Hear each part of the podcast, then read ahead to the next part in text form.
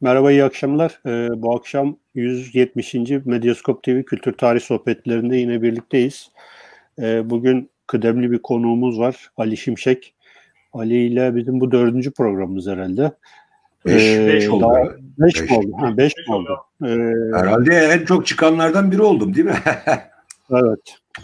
Ee, Ali Şimşek'le daha önce yaptığımız e, programların bir benzerini yapacağız. Edebiyat tarihinden bir klasiği bu akşam e, konuşmaya çalışacağız. E, bu yayının size ulaşmasında bize destek olan e, Kur'anik kitaba baştan buradan hemen bir teşekkür etmek istiyoruz. Yine bu salgın günlerinde bu şartlar altında yayınlarımıza devam etmeye çalışıyoruz. Bu akşam konuşacağımız kitap Marie Shelley'in Frankenstein e, kitabı. Bu bir klasik. E, ben geçen hafta e, bu kitabı okudum ve çok da şaşırdım açıkçası. E, biraz Hollywood'un e, ve sinema sektörünün gölgesinde kalmış bir evet. yapıt olduğunu e, fark ettim. E, daha önce herhalde çok uzun yıllar önce şöyle bir başlamış ama bitirememiştim. E, o yüzden bu programda buna bir vesile olmuş oldu. Tabii bu e, yaşadığımız günlerin genel e, şeyiyle de alakalı bu konsept. E, yani geçen hafta yaptığımız yayında da e, gene bu e, salgın günleriyle alakalı bir e, söylem geliştirmeye, bir yayın çizgisi geliştirmeye çalışmıştık. Frankenstein'de bu e, çizginin bir devamı. E, e, Ali öncelikle hoş geldin. Sağ olun, ee, sağ olun. Teşekkürler. Yani keşke sanayide evet. bulsak diyecektim yani ciğerci işte çöp şişçi falan vardı orada ama artık evden yapacağız. artık evet. paket servis evet. Abi istersen sen e, bir, bu Frankenstein e, hikayesinin e, bir arka planından başlayarak e, bir giriş yap. Biz de aklı, arada aklımıza geldikçe evet. e, sana serbest stil e, sorularımızı yönetmeye çalışalım. Evet, evet. Şimdi e, iyi bir yere değindi. Yani Frankenstein deyince hani sinema imgesiyle bilinen bir tipleme. E, romanı okuyunca ki 400 sayfa hani Türkçe çevirisi. E, kalın bir, tuğla bir yapıttan bahsediyoruz. E, o anlamda e, o sinemadaki yansıtılan Frankenstein'le çok farklı olduğunu görüyoruz. Çünkü öncelikle karşımızda e, yoğun romantik edebiyat içinde değerlendirilir ve edebi yapıt var. Yani lirik anlatımıyla, e, diliyle, göndermeleriyle o anlamda hani roman okuduğumuzda e, sinemada gördüğümüz çünkü Frankenstein'in yaygınlaşması bir imge olarak e, yaygınlaşması e, sinema filmleriydi. Çünkü e, onlarca film var Frankenstein'la ilgili. İşte 1938'lerde, 39'larda ilk e, ikisi çekiliyor ki 39'da çekileni e, kafasındaki o çıkmalarla e, aklımızdaki imgeyi de oluşturuyor. Yani Frankenstein imgesini. Daha çok sinemadan biliyoruz. Yani mesela Frankenstein'in yazarı kimdir desek bir anket yapsak eminim yani dörtte üç oranında yazarın ismini bilemeyecekler. Ama Frankenstein'ı bilecekler. O anlamda e, ilginç bir şey. Yani tiplemenin kendisi ya da figürün kendisi ya da çizilen imgenin kendisi yazarını da örtmüş durumda. Hatta böyle bir kamusallaşmış. Tabii sinema burada e, çok önemli bir şeye sahip, e, yaygınlığa sahip. Neredeyse 2-3 yılda da bir bir Frankenstein versiyonu e, ile karşılaşacağız. Yani bitecek değil yani. Onun için hani sürekli versiyonu üretilebilecek bir imge var. Bugün biraz işte vaktimiz yettikçe bu imgenin e, önemini ya da ne anlattığını e, şey yapmaya çalışır, açmaya çalışır. Mary Shelley'in hatta, hatta şöyle bir şey var. E, Doktor Frankenstein'i yaratan kendisi zannedenler genellikle daha fazla. Yani evet. Frankenstein yani doktorun kendisiyle yaratıcının kendisiyle yaratılan arasındaki ilişki neredeyse ortadan kalkmış. Şimdi evet yani mesela Frankenstein e, doktorun ismi yani Victor e, evet. Frankenstein. E, Hani isim de Almanya'dan bir şatodan geliyor ki bu şato turizm olarak bu Frankenstein imgesini hala e, kullanıyor. Hatta Dippel'in e, John Conrad Dippel'in e, bir 18. yüzyıl kimyacısı, simyacısı e, çok yönlü bir adam. E, zaten Mary Shelley de e, Victor karakteri üzerinden, Frankenstein karakteri üzerinden direkt şatoya da imge verelim. Çünkü e, okuduklarımızda şunu görüyoruz. Yani Dipel e, o şatoda doğmuş. Yani e, o anlamda hani hatta Dipel e, Prusya mavisi denilen o, o resim mi, önemli miktarda etkileyen rengin de şeyi mucidi. Kimya, simya bunlar bazen birbirleriyle karışıyor tabii. E, o anlamda hani Frankenstein e, tiplemenin adı değil. Yani çünkü niye zaten romanın ana konusu bu. Yani onun adı yok. O romanda iblis ya da o olarak geçiyor ki e, zaten bütün derdi de e, Mary Shelley bunun üzerine kurmuş durumda. Sen bana ad vermedin. Yani hani semavi dinlerde ya da mitoloji geniş bir mitoloji, söz yani Tanrı yaratan bir isim verir. E, dilin içinden bir şey üfler. E, logos üfler. O anlamda Frankenstein'daki ucubenin, iblisin ya da canavarın diyelim ismi yok. Zaten bu da e, romanı dokuyan önemli şeylerden biri. E, o anlamda hani romanı okumadığımız müddetçe Frankenstein dediğimizde e, dolayısıyla o e, ucubeyi, iblisi ya da canavarı hatırlıyoruz. Buradan bile e, hemen sapmış oluyoruz aslında. Yani o isimsiz. Zaten romanın derdi de e, isimsiz olması. Şimdi Mary Shelley e, e, eşi Percy Bessie Shelley işte e, Lord Byron yani bunlar özellikle 19. yüzyılın e, ilk yıllarında ya da 1810'lar e, e, gerçekten çok önemli figürler. Özellikle Lord Byron e, zaten bir celebrity'ye bir üne sahip. E, e, Birçok anlayışı etkilemiş. Özellikle İngiliz romantizm ya da genel anlamda romantizm anlamında. E, o anlamda hani e, romanın yazılı, yazılı sürecine baktığımızda e, e, Mary Shelley e, köklü bir aileden geliyor. Bir burjuva ailesinden geliyor. İşte babası önemli bir yazar. Hatta yani humanist sosyalist diyebileceğimiz çizgide bir yazar. Etkili bir yazar. Annesi e, ilk feministlerden bu konuda broşürleri, risaleleri olan biri. Yani eğitimli bir kesimden geliyor. E, o anlamda roman e, Percy Shelley e, eşi e, şair. Çok önemli bir şair. E, Dediğim gibi hatta ilk veganlardan, resmi veganlardan ilk anarşizmi e, şiirsel üslupla ne diyeyim dillendiren insanlardan. O anlamda hani Mary Shelley, Percy Shelley ve Lord Byron e, Frankenstein'in oluşma sürecinde önemli. Daha doğrusu hani romantik hareket dediğimiz belki biraz açmaya çalışırız.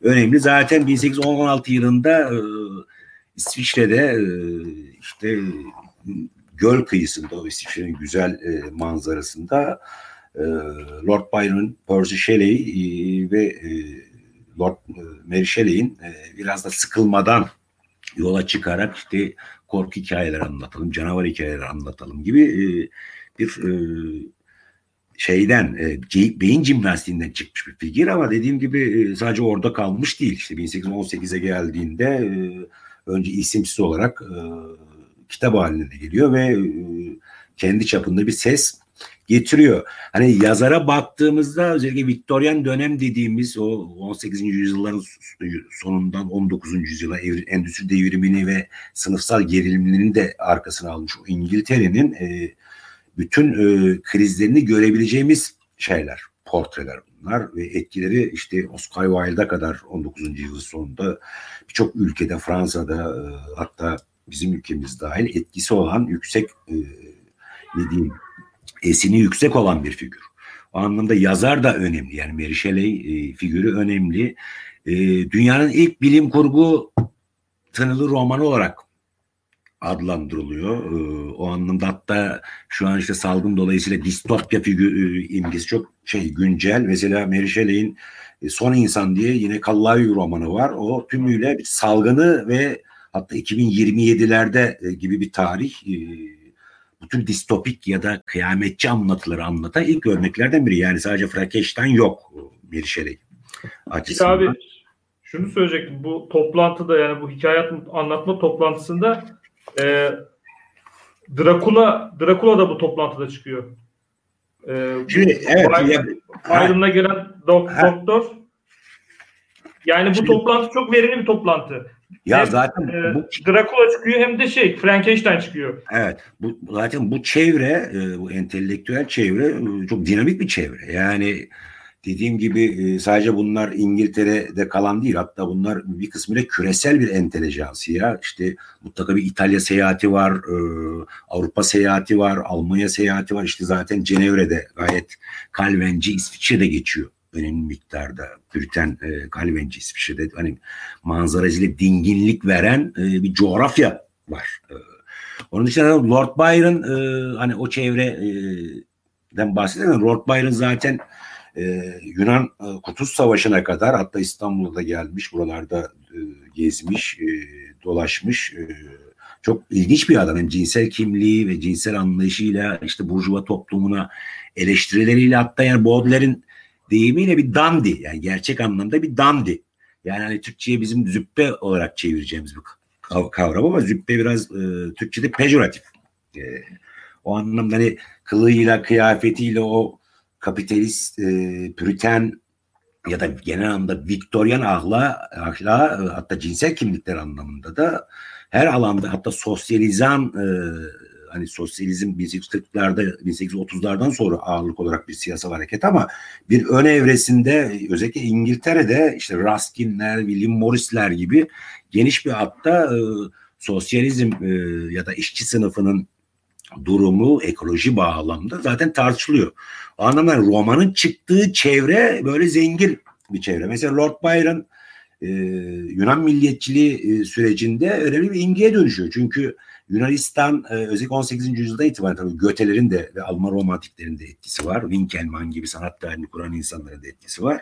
Avrupa'nın kökeni olarak görüldüğü için Dolayısıyla Osmanlı'dan ayrılma sürecinde e, 1800'lerin başında Yunan milliyetçiliği hatta e, Lord Byron e, Yunanistan'a gidiyor bir e, erzak, silah vesaire gibi orada e, vefat ediyor zaten.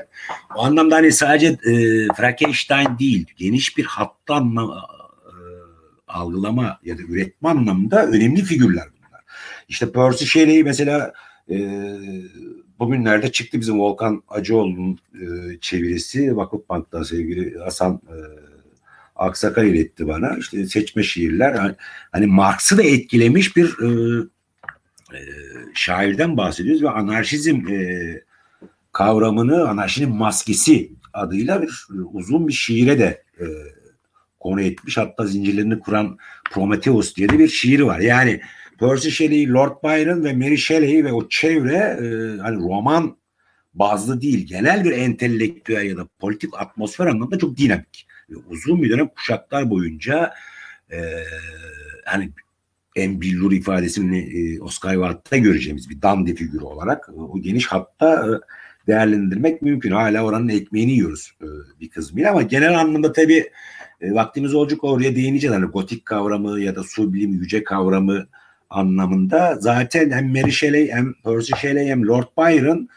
özellikle Alman romantizmi, İskoç romantizmi, İngiliz romantizmi ya minör, minör gotik de denilen o geniş 18. yüzyılın sonu ya da 19. yüzyıla sarkmış o geniş verimli e, şiiri, edebiyatı, resmi, politikayı, e, ulusal hareketleri etkilemiş o e, okyanusta yüzüyorlar zaten. Hani Frankenstein'da e, bu okyanustaki önemli e, şeylerden biri ne diyeyim imgelerden biri. Burada ee, devam edecek misin abi yoksa? Ha, sen soracak mısın bir ama eğer varsa ben sonra devam ederim. Ekleyeceğim bir şey varsa. Ee, ya tamam o zaman sen devam et ben ilerleyen şeylere girerim. Evet, şimdi mesela şimdi atmosfer bu yani Mary Shelley 17 yaşında Percy Shelley'e kaçıyor. Yani babasını da karşısına alarak. Hatta 2017'de e, e, bazı eleştirmenler beğenmesine Mary Shelley adında bir film de var. Yani izleyiciler buna ulaşabilirler. Ben sevmiştim yani. Lord Byron ve e, Percy Bysshe Shelley ilişkisini yani Cenevre'yi o geniş e, romantik atmosferi anlatma anlamında hatta dekadans dediğimiz atmosferi anlatma anlamında önemli. Şimdi e, Frankenstein'ın bir de alt ismi var. Yani o genellikle terennüm edilemiyor. Çünkü romanı anlamak açısından önemli o. Nedir o? Modern Prometheus.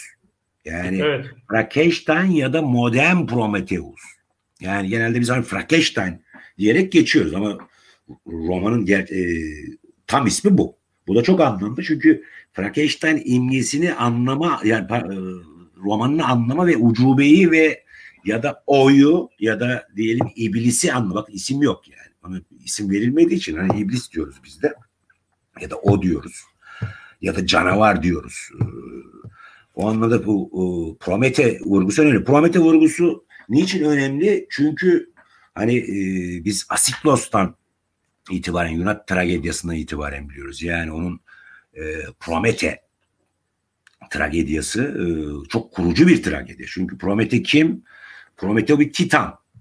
E, dolayısıyla Zeus'a baş kaldıran, iktidara baş kaldıran, tiranlığa baş kaldıran, en çamurdan insanı yaratan, yani insanı yaratan, e, diklenen, e, eziyetini çeken Kafkaslarda e, zincirlenerek, o zincirlerine de acıyarak Hippasos çakıyor. Hani Asiklos'un e, Prometheus'ini okursanız e, özellikle yani e, koca bir hattı etkilemiş. Özellikle Alman romantizmi, İngiliz romantizmin hatta Marx'ları etkilemiş e, bir imgeden bahsediyoruz. E, o anlamda Promete vurgusu önemli. Yani en önemlisi ateşi çalıp insanlara vermesi bir rezene kabuğunda e, ve bu bu diklenmesi mesela Kafkaslara e, zincirlendiğinde ve bir akbaba ya da bir kartal, bir kuş ciğerlerini yiyor. Ciğerler e, Sisipos e, şeyi gibi e, eziyeti gibi tekrar büyüyor. Ertesi gün yine yiyor. Yani yani insanı yaratması ya da ateşi insanlara vermesi anlamda bunun eziyetini de çeken ve Zeus'la aradaki Hermes'in diyaloglarına rağmen uzlaşmayan bir. O anlamda e, Promete e, tanrılara karşı, tirana karşı, iktidara karşı önemli bir politik figür ki 18. yüzyıl 19. yüzyılda bu Prometecilik önemli bir imge olarak e, yaşıyor. Asiklos'tan sonra Promete imgesi önemli miktarda Goethe'nin Promete şiirine borçlu. Marx da oradan alıyor. Gerçekten çok etkileyici bir şiirdir o. Yani e, zırvalıklar olmasaydı sana kim inanırdı gibi hani şiirde belki vaktimiz oldu yanında aslında belki e, okuruz da e, o anlamda hani alt başlık Frankenstein ve modern Prometheus e, romanın kurgusu ve ucubeyi Victor Hugo Frankenstein'i anlamak ya da genel anlamda 19. yüzyılı anlamak anlamında önemli. Bunu da e, vurgulayalım. Şimdi Frankenstein neyi anlatıyor? Yani Frankenstein bir yaratılış mitini anlatıyor. Hem e, eski ayetten İncil'e sirayet eden, işte Müslümanlığı da etkileyen Adem ile Havva çamurdan yaratılması bir yaratma fiili var. Hem de e, Yunan mitolojisi anlamında Promete. Yani ikisini beraber kullanıyor. Dolayısıyla Victor tipik bir aydınlanmacı figür Frankenstein. Yani burjuva bir aileden geliyor. Calvinist Cenevre'nin ve İsviçre'nin havasını soluyor. Dediğim gibi Katolik bir Fransa'dan bahsetmiyoruz. O anlamda Cenevre vurgusu ve İsviçre vurgusu önemli. Tıp okumak istiyor. Yani ama dediğim gibi yani bir insanları iyileştirmek anlamında, e, tedavi götürmek anlamında bir tıp değil bu. Biraz hani o dönem 18. yüzyılda da e, entelektüel etkileyen biraz e, ezoterik, simyanın da iç içe olduğu, galvanizm vesaire gibi e, bir sürü deneylerin e, gnostizm iç içe harmanlandığı bir çerçeveden bakıyor ve Victor'un bir hedefi var. Yani en, en basit anlamda ölüyü diriltmek. Yani bir kadavrayı diriltmek ya da kadavra parçalarını diriltmek. O anlamda ucube ya da canavar ya da o yani isimsiz olan e, yaratık diyelim. E, kadavralardan, değişik kadavralardan yani suç katillerden, yoksullardan, işte salgında ölenlerden derlenerek bir laboratuvar ortamında özellikle galvanizm yani elektrik şokuyla e, diriltilen e, bir şey var, yaratılan e, bir figür var. Hani o anlamda yaratılış, Tanrı gibi Viktor birini yaratıyor. Hı? Ama dediğim gibi yarattığı şey büyük bir heyecanla giriyor tabii. Elektrikler vesaire burada elektrik imgesi de önemli. Yani 18. yüzyıldan itibaren özellikle 19. elektrik e, çok önemli bir şey. E, zaten günümüz için hani önemini konuşmaya da e, lüzum yok. Şu an onu görüşmemizi elektriğe borçluyuz ya da Yunanca elektron, kehribar etimolojisi olarak. Neyse yani sonunda yaratıyor. Yani uzun bir deney sonunda ama yarattığını beğenmiyor. Çünkü yaratılan e, çirkin. Yaratılan... Abi bir, burada bir, bir şey e, girmek istiyorum araya. E, sen gene e, şey yapabilirsin tabii bu çerçevede. Şimdi bu e, tıp fakültesinde e, iki ekol var. Yani kitapta onu anlıyoruz. Bir evet. e, ya işte böyle ezoterik işlere çok fazla girmeyelim. Akıl yolundan sapmayalım. Pozitivist ve yani, aydınlanmacı. Evet, pozitivist ve aydınlanmacı bir şey. Bir de böyle e, biraz romantik bir şey var. Orada çok ilginç bir cümle e, geçiyor. Onu not aldım. Diyor ki eski üstadlar imkansız vaat ettiler ve hiçbir şey şeyi gerçekleştiremediler. Hı. Modern Hı. üstadlar ise hiçbir şey vaat etmiyorlardı. Şimdi pozitivizm hiçbir şey vaat etmiyordu. Ee, ama eski üstadlar birçok şeyi vaat ediyordu. İşte e, ölüyü diriltmek şu bu. Ama bunları beceremediler. Şimdi e, aslında Frankenstein burada pozitivist olmaktan çok romantik birisi. Evet, evet. Zaten yani şu var, yani romantizm hani romantizm genel anlamda hem Alman romantikleri yani 18. yüzyıldan 19. yüzyıla devreden o büyük bakiye hem minör diyebileceğimiz İngiliz romantizmi ki müthiş bir dinamizme sahip. Zaten aydınlanma eleştirisi üzerinden bir kısmıyla kendilerini e, konumluyorlar. Yani 18. yüzyılda Fransız aydınlanması ansiklopedistler Descartes'tan e, Diderot'lar o geniş hat, e, Voltaire'le köpüklenmiş o hat, Rousseau'yla Fransız devrimine eşitlik, özgürlüğe e, projeksiyon olmuş o hatta mesafeliler. E, çünkü aydınlanma ve akıl ya da her şeyi hesaba indirgeyen ya da kesin ölçüye indirgeyen ki burada e, bir postmodernizm ucu da var. E, çünkü postmodernizm de 90'dan sonra önemli miktarda bu tür argümanlarla yola çıktı ama romantizm tabii öncelikle estetik bir dalga. O anlamda bir aydınlanma eleştirisi zaten Frankenstein'da var. Yani e, hemen hemen her şeyin hesaplanamayacağı bir e, dillendirilemez ya da ölçülemez bir alan ya da bilinemez bir alan olduğuna dair. Zaten Alman romantikleri ya da İngiliz romantikleri zaten e, bir anda e, orta çağa dönüyorlar. Hani gotiye dönüyorlar, e, masallara dönüyorlar. Cin öykülerine, hayalet öykülerine dönüyorlar. E, şövalyeliğe dönüyorlar. E, o anlamda hani e, 18. yüzyıldan 19. yüzyıla giden hat ki endüstri devrimi ve burjuva uygarlığının sıkıcılığı, o redingotun sıkıcılığı zaten özellikle burjuva çocuklarını ya da aristokrat çocuklarını romantiklerin e, kadrolarını oluşturuyor önemli miktarda bu. E, zaten bıktırmış. Yani paradan başka ya da iyi bir kız bulup evlenmek, e, işte miras, çeyiz dışında bir şey düşünmeyen redingotlu, siyah e, burjuvalardan ya da aristokratlardan yani kendi babalarından tiksinen bir dalganın da romantizmi bu. O anlamda hani tekrar hayalet öykülerini çağırmak, gotiği tekrar keşfetmek, mesela gotik e, Rönesans'la beraber bir tür e, ötelenen de bir şey. Çünkü Hristiyanlığı, özellikle mimaride Hristiyanlığı, bilinemezliği, e, karalığı, alacakaranlığı e, ama en çok da kilise mimarisini imgeliyor. Mesela romantikler e, o anda gotiği tekrar çağırıyorlar. Bu da çok çok da verimli. Zaten Frankenstein bilim, ilk bilim kurgu örneklerinin ötesinde gotik roman dediğimiz özellikle 19. yüzyılda ki en, e, önemli bir e, alanı da açıyor.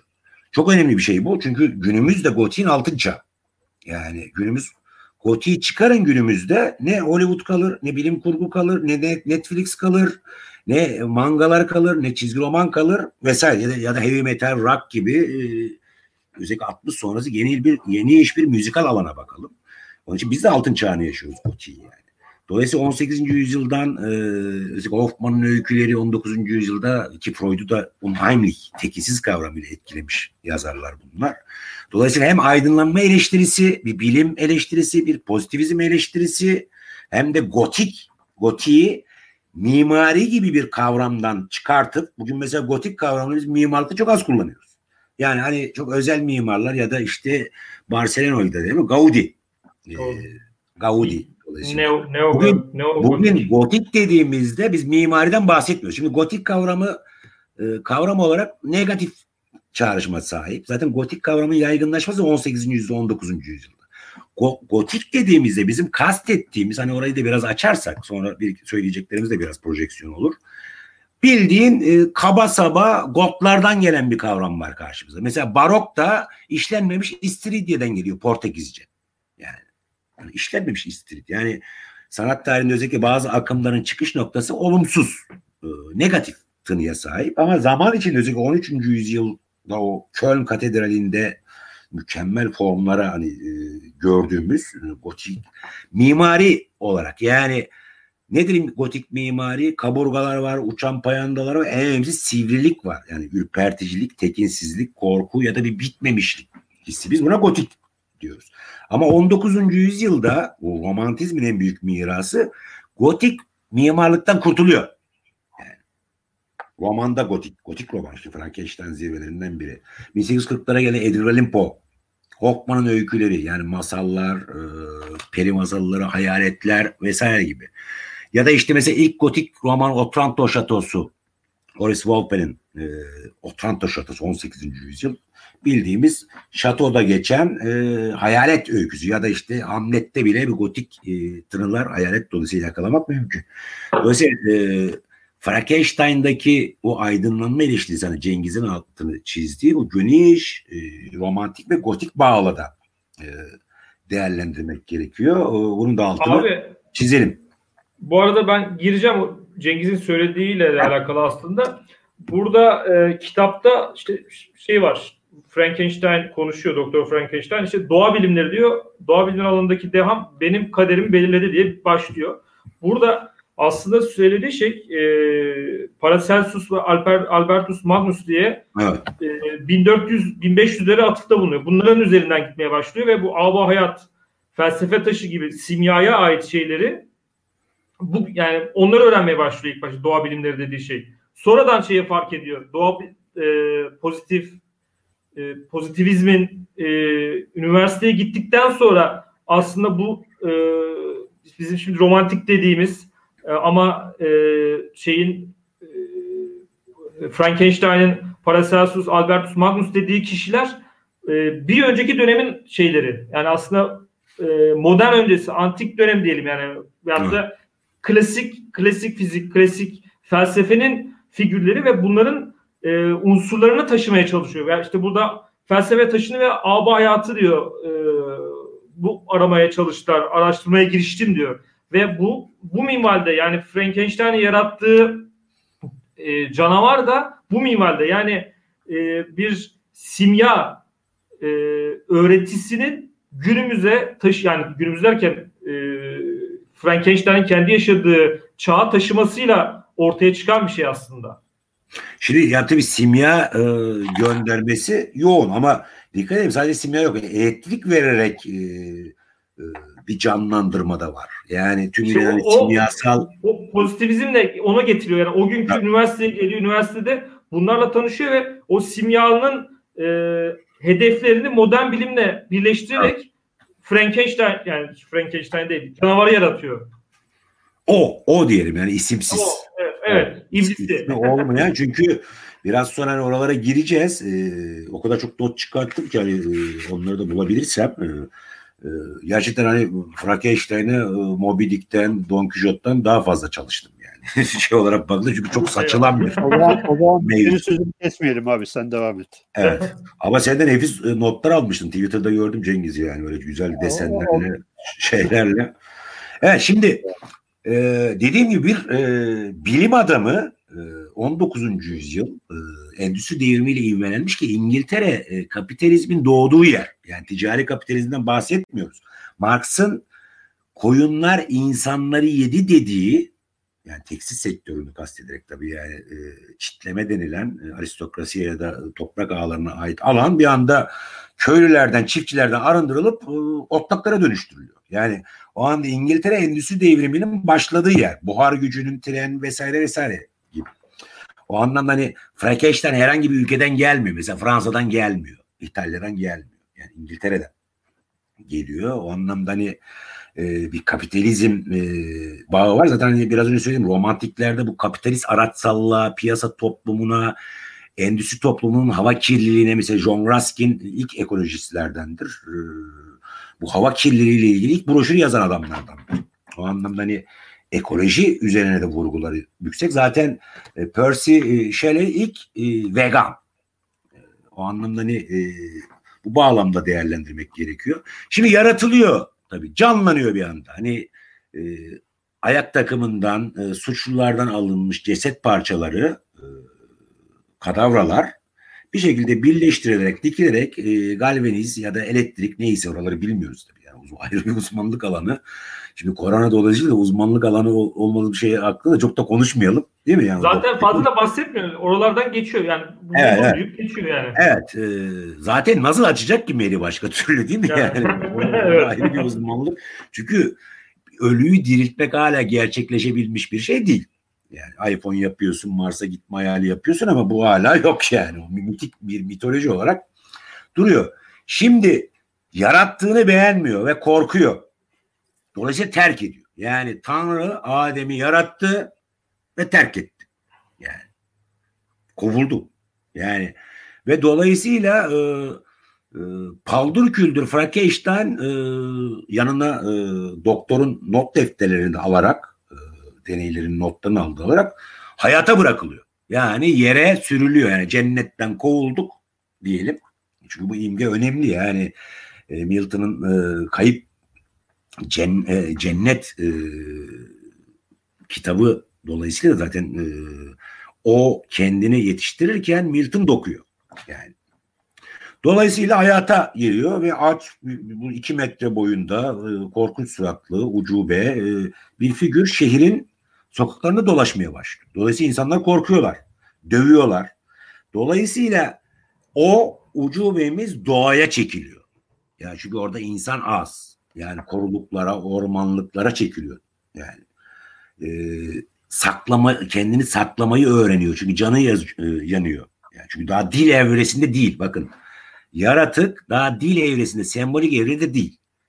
Yaratılmış, yaratıcısı tarafından sepetlenmiş dışarıya. E karnı acıkıyor sonunda elinde sonunda bu insan.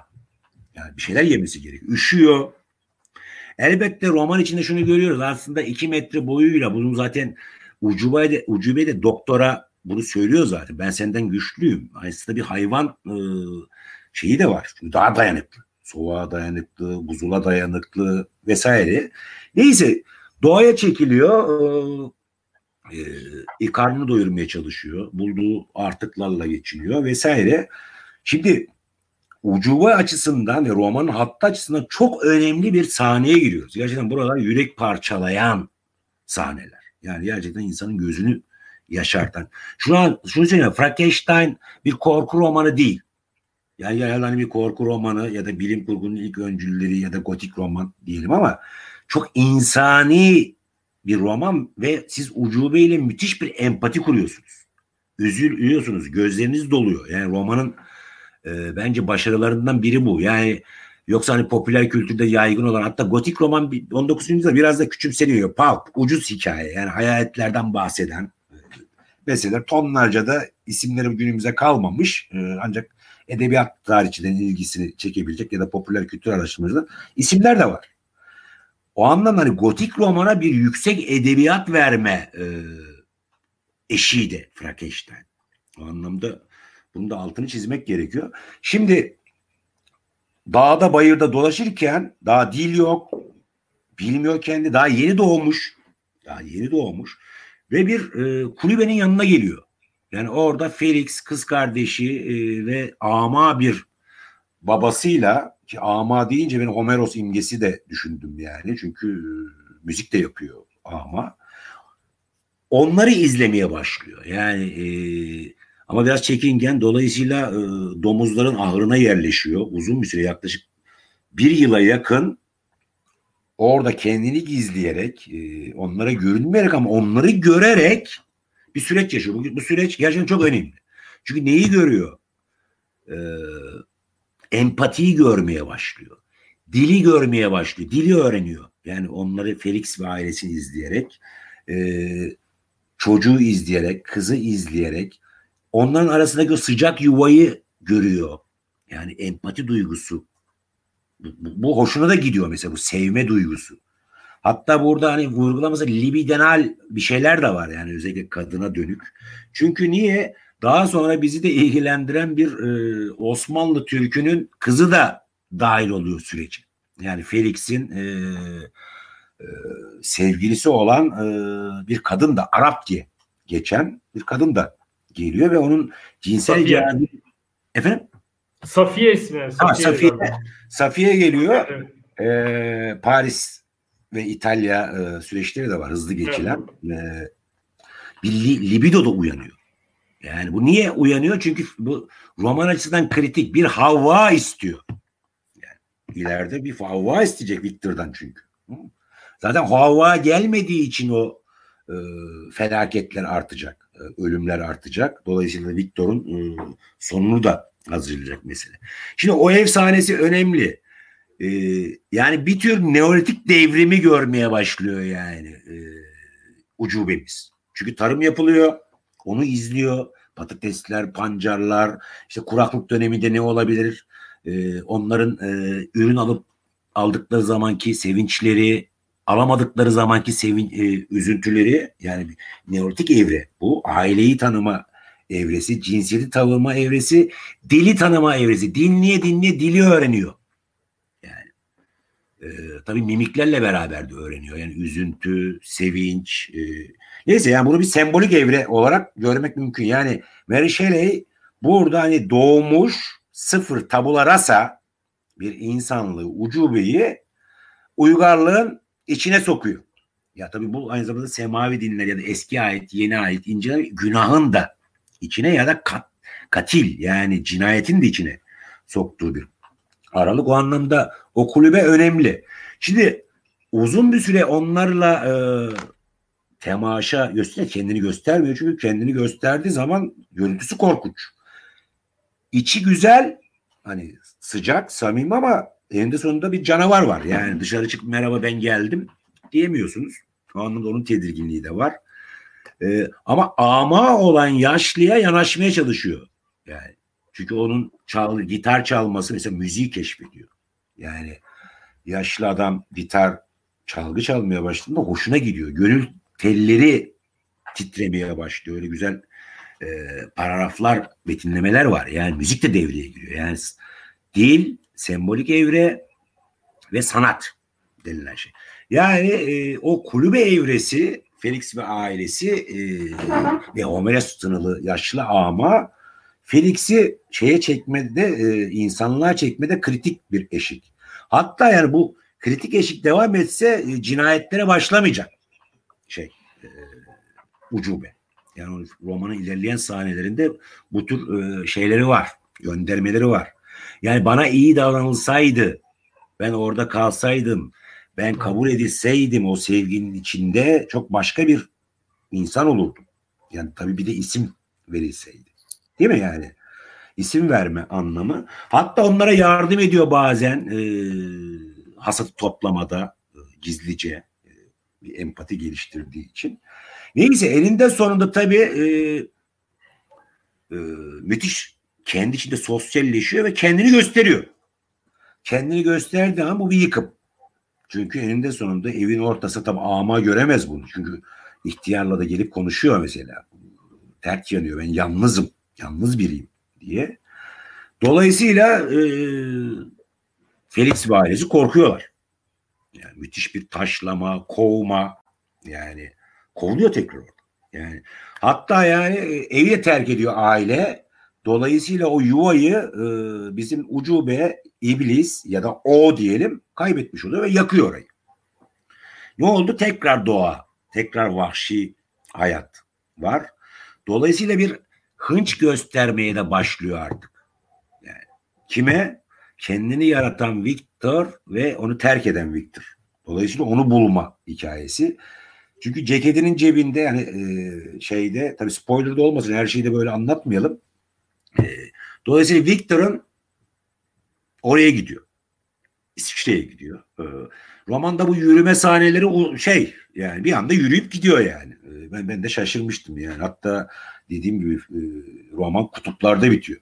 Yani Karadeniz üzerinden, yukarıdan, e, Sibirya üzerinden bir mesele var. Hatta bana göre tabii bu tartışılabilir. Romantikler mesela uçurumları severler. Sublime estetiği denilen. Yani çölleri severler. Yüce Sarp dağları severler. Kaspar David Friedrich'in romantizmin amblemi haline gelmiş o e, uçurum sisleri seyreden e, adam figürü. E, liriktirler bir kısmıyla e, Alpleri severler. Dağları zaten hani İsviçre Alpleri romanda önemli bir, bir, bir şey imge. Göller e, önemli bir imge. Zaten William Wordsworth gibi İngiliz romantikler e, ilk kuşak romantik göl şairleri olarak da e, adlandırılıyor. O anlamda e, benim açımdan zaten roman başlarken e, tipik e, Robinson Crusoe'de anlatmıştı. Bir erginleşme hikayesiyle başlıyor. Yani Robert Walton denilen bir e, insan var ve bir gemiyle bir keşif sürecinde ve e, kuzeyde kutuplara yakın e, bir yerde karşılaşıyorlar. Yani e, roman e, başlarken böyle başlıyor. Orada buzulların üzerinden bir yaratık görüyorlar mesela. O sahne çok etkileyicidir. Yani şunu söylemeye çalışıyorum. Herhalde büyük bir ihtimalle e, denizler, dağlar, e, uçurumlar, kırlar romanda var. Ama buzulun romana girdiği belki ilk örneklerden biri olabilir. Yani, yani buzul beyaz. Çünkü beyaz da yücedir. Beyazlık denilen şey de çöl gibi bizde sonsuzluk. Ee, aynı zamanda hem ürperti hem haz. Hani Burke ya da Kant'ta yücenin tasviri böyledir. Yani bizim algılarımızı aşan bize haz ve korkuyu beraber yaşatan bir e, duyumsama çok önemli bir duyumsama. Bugün mesela sinemanın en önemli estetik duygulanım alanlarından biri nasıl biraz önce gotik dedim sublimdir. Star Wars'ta, Game of Thrones'ta, e, Yüzüklerin Efendisi'nde o geniş kadrajlar aslında bizim sublim uçurumlar, dağlar sublim anlayışımıza şey yapabilir. E, tabii sublimi e, e, iyi deneyimlemek için güvenli mesafede de olması gerekiyor. sublimin içinde olduğunuzda sublim şeyi yapamıyorsunuz. Yani sanatsal bir temsil. Mesela Caspar David Freddy'nin resimlerinde sublim ya da bir edebi anlatı o sublimi ya da o zaman sinema yok ama sinema sublimi deneyimlemek için şu an en yaygın araç. Caspar David Frederick'in mesela çok tartışılmayan hani, e, uçurumları, sisleri seyreden gezgini imgedir ama e, modernizm açısından da resimde çok önemli bir resmi vardır. Yani kutuplara gitmiş, orada batmış bir gemi enkazını resmeder Caspar David Friedrich. Yani bu sanat tarihinde herhalde ilk örneklerden biri. Yani Hollanda resminde hani gündelik hayat, manzara vesaire vardır ama bir gemi enkazını e, ilk defa bir sanatçı resmin konusu haline getiriyor. O anlamda 19. yüzyılda kutuplara dönük keşif hareketleri var. Yani dolayısıyla kutup ve beyazlık da bu romanda etkileyicilik anlamında önemli. Yani hem başlangıcı oradan yani hem de bitişi oradan bol miktarda da İsviçre Alpleri üzerinden de o beyazlığı e, baldır kültür ucube o, o buzulu yürüyor çünkü. Bu da önemli bir imge. Şimdi tekrar dağa çekilme var. Ee, dediğin gibi e, evi kaybetme var. Victor arama var. Artık hesap sorma. Yaratıcısından ve tanrısından bir hesap sorma var. Yani ya da Promete diyelim onu. Yani Prometheus'tan da bir hesap sorma. Ee, dolayısıyla geliyor buluyor. Yani doktoru buluyor. Ee, gözlemliyor doktorun ailesini. Ee, tabii bulmasında yanındaki not defterin de e, önemli bir şeyi var. Ee, bir tür harita, kılavuz. Ee, Victor e, tipik dingimi burjuva ailesi yani evlat edilmiş kardeş gibi olan bir Elizabeth var daha sonra eşi olacak. Ee, William var küçük kardeşi gayet entelektüel bir baba var. Ee, bunları izliyor. Ee, ama hem Felix'in konu, e, e, kulübesinden kovulması hem korku dolayısıyla doktordan bir rövanş alma bir e, intikam alma hissi de oluşturuyor. Çünkü kulübeyi izlerken olumlu yönler dışında özellikle Felix'in e, sözlerinden kıskançlık, nefret, e, kızgınlık gibi şeyleri de edindi. Duyguları da edindi. Yani. Onları da öğrenmiş oldu insanlaşma açısından. Dolayısıyla e, küçük kardeşini öldürüyor. Yani Abi burada bir şey eklemek istiyorum. Yani ilk cinayet, Ucube'nin ilk cinayeti de bu. Evet. Evet. Bu kulübe evresinde bayağı oryantalist e, bir söylem var. Hem e, Safiye'nin hain Türk babası evet. hem aslında Safiye'nin bir köle olarak e, aslında iyi kız. İyi kız da hiçbir zaman Müslüman olmaz. Onun işte Hristiyan geçmişi e, falan gibi. Hatta bilgi olarak da yanlış şeyler var. Yani Arap e, Araplardan cariye edilmiş gibi bir adet Osmanlı'da yok yani. E, yani öyle bir e, e, ben bilmiyorum en azından öyle bir şey. E, bayağı orada oryantalist bir söylem var. Yani o zorunlu, o zorunlu çünkü niye? 18. yüzyıl sonunda tam yani, arada. Bu açıdan söyleyeceğim. Tam böyle Yunan İç Savaşı falan filan hikayeleri var ya o dönem. Yani tarihsel olarak da oradaki romandaki o söylem e, yani bu e, biraz böyle Türk düşmanı diyelim tırnak içinde. Bir de Lord Byron'dan gelmiştir o imgeler. Yani çünkü e, evet. e, eşiyle beraber bu toprakları ziyaret etmiş değil. E, en azından bilmiyoruz yani. Percy Shelley ile evet. Shelley'in İstanbul'u ya da Osmanlı coğrafyasında bir seyahati yok. Büyükler Lord Byron var çünkü Lord Byron İstanbul'a geliyor Çanakkale Boğazı'nı yüzerek geçiyor. Yani Lord Byron öyle bir ilginç bir figür. Bayağı e, Çanakkale Boğazı'nı e, şey yapıyor. Zaten e, Troya'nın keşfi Troya'nın keşfi hem de zaten Yunanik o imge, Homeros'tan gelen o imge batılı aydınlarda yani romantizm de dahil müthiş bir idealize Helenizm ve krekçilik oluşturuyor. Haklı nedenlere de sahip bu tabii. Ee, Winkelmann'ın özellikle sanat tarihini kurucu metinlerinde e, ama dedim Homerik dünya dolayısıyla Yunanlılara her zaman bir estetik bir şey var. Zaten 18. yüzyılın sonlarında 19. yüzyılda büyük tur denilen bir tur var. Büyük tur diye geçiyor. Grand tur. Aristokrat ve burjuva çocukları mürebbiyelerin eşliğinde mutlaka bir İtalya ve Yunanistan seyahati yapıyorlar. Yani tabi bu entelektüel eğilimi bir kesimden bahsediyoruz. Yani Troya, Homeros, ıı, Cicero'nun memleketi Roma, ıı, zaten Pompei kazı, kazıları 19. yüzyılda arkeolojiyi başlatan önemli milatlardan biri. Dolayısıyla Göte'den itibaren Rönesans'a kadar gidebilir yani İtalya'ya seyahat ama Göte imgesiyle beraber İtalya ve oradan Yunanistan bir tür haç, entelektüel haç yapılıyor. Yani dolayısıyla e, Osmanlı imgesi tepeden Ali Paşa vesaire Yunan İç Savaşı, Yunan bağımsızlığı e, oradan geliyor ama zaten 18. yüzyıldan itibaren özellikle resimde, edebiyatta oryantalist imgeler çok yaygın. Yani Binbir Gecelerin masallarının çevrilmesinden itibaren Osmanlı'nın çöküşü işte vesaire siyasal nedenlerle armalar bir şey var doğuyu erotikleştirmek ya da e, miskinlikle ya da kabalıkla neyse. Yani dolayısıyla Mary Shelley de bunun dışında o, o entelektüel atmosfer olduğunda yanı başında Lord Byron düşünüldüğünde e, çok mantıklı geliyor yani. E, Osmanlı imgesi. Bir de Batı medeniyetinin kökeni olan Yunanistan'ı kurtaracaklar Osmanlı'dan. Yani şimdi Baktığı zaman Osmanlı geri. Müslüman bir toplum, e, köylü toplumu ama öbür tarafta Hektor'un, e, Apollon'un, Zeus'un koca bir destanlardan gelen, edebiyattan gelen bir şey var, zenginliği var. Hatta ilk romantikler Yunanistan'a gittiklerinde bildiğim köylülerle, eşekli köylülerle karşılaştığında ayak kırıklığına uğruyorlar.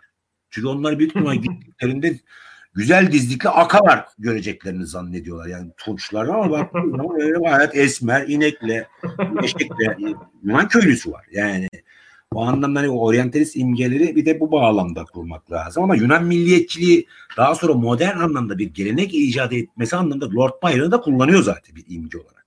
Yani resimlere, e, pullara vesaireye kadar giden hat var. E, dediğim gibi hani e, o oraya da değinmiş olduk yani.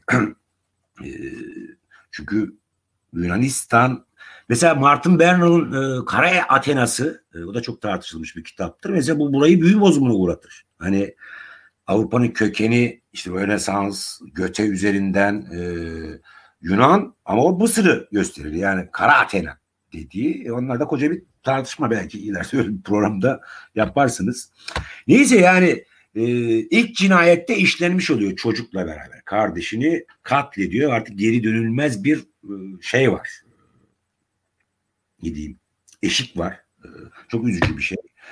Hemen arkasından bir olay daha var. Çünkü e, madalyon var çocukta. Annesinin e, olduğu yanılmıyorsam. E, onu da alıp mesela e, evin hizmetçisi ya da eve aileye yakın bir kızın da cebine uyurken koyuyor. Yani onu da böylece hani cinayetin e, şeyi bir faili gibi göstermek anlamında. E, tabii e, kızcağız da bir tür lince uğruyor. O da asılıyor. Oldu iki tane e, Victor'ın evinde e, ölü oluşmaya başlıyor. Yani artık iş ciddi ve Victor da bunun e, yarattığı ucubenin onun e, faturasını iki tane sevdiği bir kardeşi e, çekmeye başlıyor ve dolayısıyla da sorgulamalar var. Evde e, karşılaşıyorlar. O çok etkileyici yani Victor'la yarattığı ucube arasında bir diyalog var. Yani sen beni yarattın, isim vermedin, tanımadın. Şimdi Frankenstein'in en önemli temalarında bir aslında tanınma. Yani siyasal anlamda da bir tanımadan bahsediyor. Yani Hegel'in efendi köle diyalektiğinde ki o büyük gerilim tanınma ilişkisi. Yani tan tanınma yoksa müthiş bir gerilim var. Aslında Frankenstein hem bir isim e, pardon ucube bak biz bile hemen ismi olmadığı için Frankenstein yani doktorun ismiyle yaratıcısının ismiyle e, terennüm ediyoruz. Bir isim istiyor ve tanınma istiyor. Yani kulübede deneyimlediği insanlık şeyine iyi bir insan olmak istiyor. Hatta şu var mesela çok etkileyici kitabın ilerleyen sayfalarında e, keşke benim de benim kadar çirkin de olsa bir e, eşim olsaydı. Ben o zaman iyi bir insan şey olurdum, yaratık olurdum. İyi bir ucube olurdum. İyi bir canavar olurdum. Belki de Amerika yabanına gidip yani insanlardan da uzaklaşıp kendimize güzel bir dünya kurabilirdik hani kulübede öğrendiği hislerle. Bu tür şeyler de var. O anlamda e, evde böyle bir karşılaşma da var e, Victor'la yani yarattığıyla. Çünkü e, laboratuvardan sonra bir daha görmemiş doktor yarattığı ucubeyi. Yani korkuyor da e, ama dediğim gibi e, iki tane de cinayet var. Hatta üçüncü cinayet gelecek. Çünkü üçüncü cinayet Elizabeth. Yani evlenmeyi düşündüğü. E, aslında bir kısmı da üvey kardeş e, denilebilir. Çünkü e, evlat edilmiş figür. Çok sevilen bir figür ailede. Dolayısıyla onun tehdidi de var. Yani düğününüzü de şey yaparım. E, ne diyeyim o günü de bekle. Yani eğer benim istediklerimi ya da beni tanımazsan üçüncü evrede e, Elizabeth'i öldürmek bu dediğim gibi Victor'ı çıldırtıyor. Yani müthiş bir gerilim bu işin e, şakası yok. Neyse yani yaratılmış olan, isim verilmemiş olan ama insani duygulanımları da oluşmuş, dili de oluşmuş. Mesela en önemlisi şu dil. Tamam. İnsani eylem tamam. Duygulanım modları ya da kıskançlık modları, hiddet modları Felix'in kulübesinde tamam. Bir de konukların bıraktığı kitaplar var kulübede. Bu da çok önemli. Yani Abi bir şey söyleyeceğim. Araya gireceğim ama. Tabii tabii gir. gir. E, şeyi de anımsatmıyor mu? Yani e, Frankenstein'la yaratığın arasındaki konuşmada da doğrudan ben şeyi e, yani birebir benzemiyor ama ilişki açısından oradaki ilişki açısından şeyin Hazreti İsa'nın çarmıhta söylediği şey var ya Tanrım e, Tanrım beni niye terk ettin e, gibi bir şey var. Yani bir imge var. Orada da aynı şekilde Adam e, söylüyor yani. Direkt etki var. Zaten dedim ya modern Prometheus olsa Yunan mitolojisine bir gönder var ama eski ait ve yeni ait referansı. Şimdi evde hangi kitapları buluyor? Yani Milton'ın Kayıp Cennetini buluyor. Bırakılmış. Diğeri çok önemli. Genç Werther'in acılarını buluyor. Bir de Pluto, Pluto hep şey telaffuz edemiyorum adamı. Ee, Plutarkos. Plutarkos. Plutarkos. Yani Yunan, Roma, he, Yunan Roma adlı anlamında e, şimdi çok önemli. Birisi gerçekten 17. yüzyılda çok büyük bir edebiyatçı. Shakespeare'den sonraki en önemli edebiyatçılardan biri. E, Kayıp Cenneti'yle kuşakları etkilemiş. Modern şiiri de etkilemiş. Eski ait yeni ayeti de harmanlayan ve şeytan figürünü e, çok önemli bir konuma getiren Kayıp Cennet kitabı var. Yani Adem, Havva, cennetten kovulma, İsa, Hristiyanlık ve geniş bir alan. Her ne kadar Kalvinizm ve Püritanizmde bambaşka e, yorumlar oluşsa da bir tarafıyla. Diğeri genç Werther'in acıları. Yani ilk melodram diyebileceğimiz yani e, ilk bestsellerlardan biri. Hem yüksek edebiyat hem melodram. Hatta yani okuyanları intihara götürecek kadar bir e, efsane de üretmiş bir kitap var. E, o anlamda seçilen kitabın Genç Werther'in acıları olması önemli. Diğeri Yunan-Roma siyasal geleneğini yani devlet, iktidar, uygarlık hem Yunan uygarlığı hem Roma hattına giden tarih dediğimiz. Yani bu anlamda hani Milton'ın Kayıp Cenneti, Genç Werther'in acıları ve Protagoras kitabının olması da bu bilinçli bir seçki. Dolayısıyla dili öğreniyor ve okumayı da öğreniyor ucube. Yani insanlık tarihine ve edebiyata da giriyor. Şimdi genç Werther'i okumuş biri artık eski bir insan olamaz. Bir tarafıyla bakıldığında yani çünkü melodramik, e, melankolik bir bağ var. Zaten ucubeli o melankoliyi bütün metin boyunca e, hissediyorum. Bunu da vurgulamak gerekiyor. Yani o aynı zamanda okur yazar biri. Okur yazar olmuş. Yani, hatta coğrafya öğrenmiş. Çünkü takip ederken Victor'ı o coğrafya bilgisi işine yarıyor. Yani Karadeniz bölgesinden Alaska'ya kadar bir hat var değil mi? Yani işte Ermenistan, Azerbaycan, yukarı Rusya'nın şeyi işte Alaska hattına kadar Kuzey Kutbu bölgesine kadar bir hat var. O bir kitap... de İngiltere'de gidiyorlar arada. İngiltere, İskoçya'ya kadar çıkıyorlar. Hatta İrlanda'ya kadar gidiyorlar. Evet. Ya zaten kitapta e, dediğim gibi bana göre o bir kitabın biraz e, zayıf yönleri. Yani Mary Shelley e, oraları hızlı geçmiyor. Hızlı yolculuklar var yani. Yani bir anda tekneyle İrlanda'ya da gidiyor. Mesela işte en yakın arkadaşının ölüsüyle karşılaşıyor evet. sularda. Şimdi kritik noktaya geldik. Artık e, bir özne olarak e, ucube yaratıcısının Victor'ın karşısında pazarlık yapıyorlar. Beni tanıyacaksın diyor. Hı? En büyük pazarlıklardan biri şu. Benim iyi bir insan olacağıma çirkinim, korkuncum. Yani güzel güzel bir figür yok orada. Yani estetik anlamda. Canavarım. Hatta şimdi katilim. Yani bir de katillik var e, eline kana bulamış bir e, figür var. Bana bir Havva yaratırsan, yani beni nasıl yarattın? Atölyene ya da laboratuvarına git ve ben de sana karışmayayım. Yani sen de Elizabeth'le e, şey yap. Mutlu bir izdivaç et. E, böylece bir aslında bir barışma çağrısı. Yani iki tane ölü var ama bu önemli yani gerçekten efendi Hegel'in efendi köle diyalektiği çok önemlidir. Yani Marx'ı da etkilemiş. E, önemli diye orada tanınma mücadelesi. Yani efendi köleyi tanımaz. Ama köle bir tanınma mücadelesi verir. Yani kölenin dinamizmi şu. Kendisini tanımayan birini tanıyor ve dolayısıyla bir tanınma mücadelesi veriyor. Ama efendi yenilmeye mahkum çünkü kendisinin tanımadığı biri tarafından tanınıyor. Yani bu küçümseyici bir şey. Yani ben seni tanımıyorum ama benim efendiliğim senin üzerinden, senin tanınman üzerinden. Ama kölenin böyle bir şeyi yok. Köle için potansiyel. Çünkü kendisini tanımayan ama kendisinin tanıdığı biriyle tanınma mücadelesi. Sonuçta tarihi köle değiştirecektir der. Genel hatlarıyla.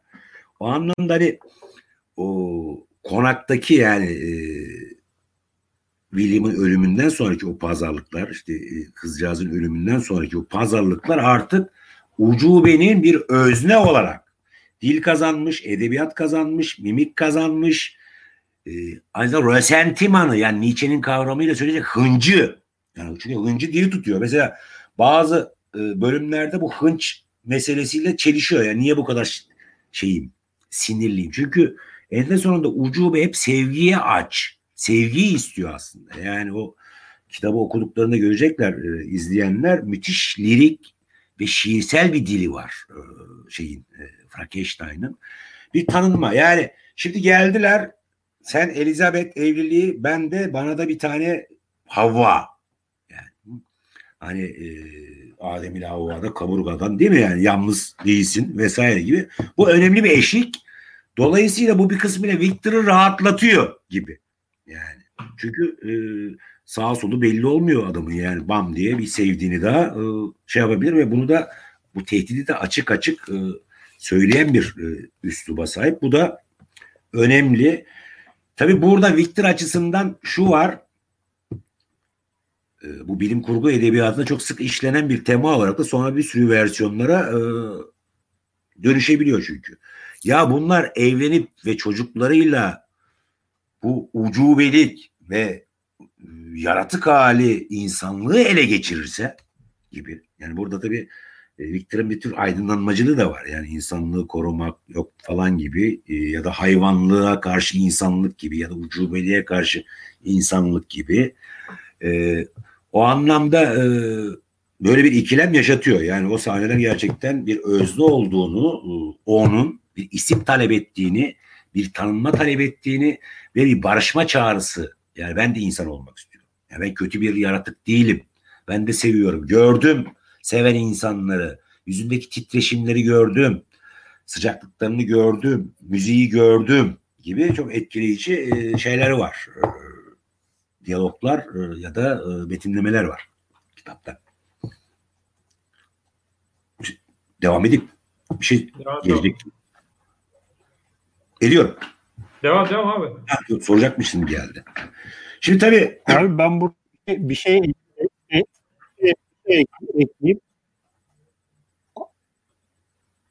Bir, e, bir, bir şey ekleyeyim. Burada çok e, dramatik şey var. Duyuyor musun beni abi? Ha, duyuyorum. Bir ara bir kesildi. Heh. Çok dramatik bir şey var. Ee, ne kadar yalnızca e, senden ne, senden nefret etsem de sadece senden medet umabilirim diyor e, yaratık yaratıcısına. Yani bu yaradana olan isyan meselesi burada çok aslında çok kritik bir şey. E, ve herhalde 19. yüzyılın e, işte bu aydınlarının dinle olan hesaplaşmasını da hani e, sembolize eden bir şey. Bir yandan nefret ediyor, bir yandan da sadece ondan medet umuyor. Yani öyle ilginç bir şey var. Zaten romanın sonunda da o sevgi ve nefret ilişkisi e, çok ciddi şekilde işte karşımıza çıkıyor.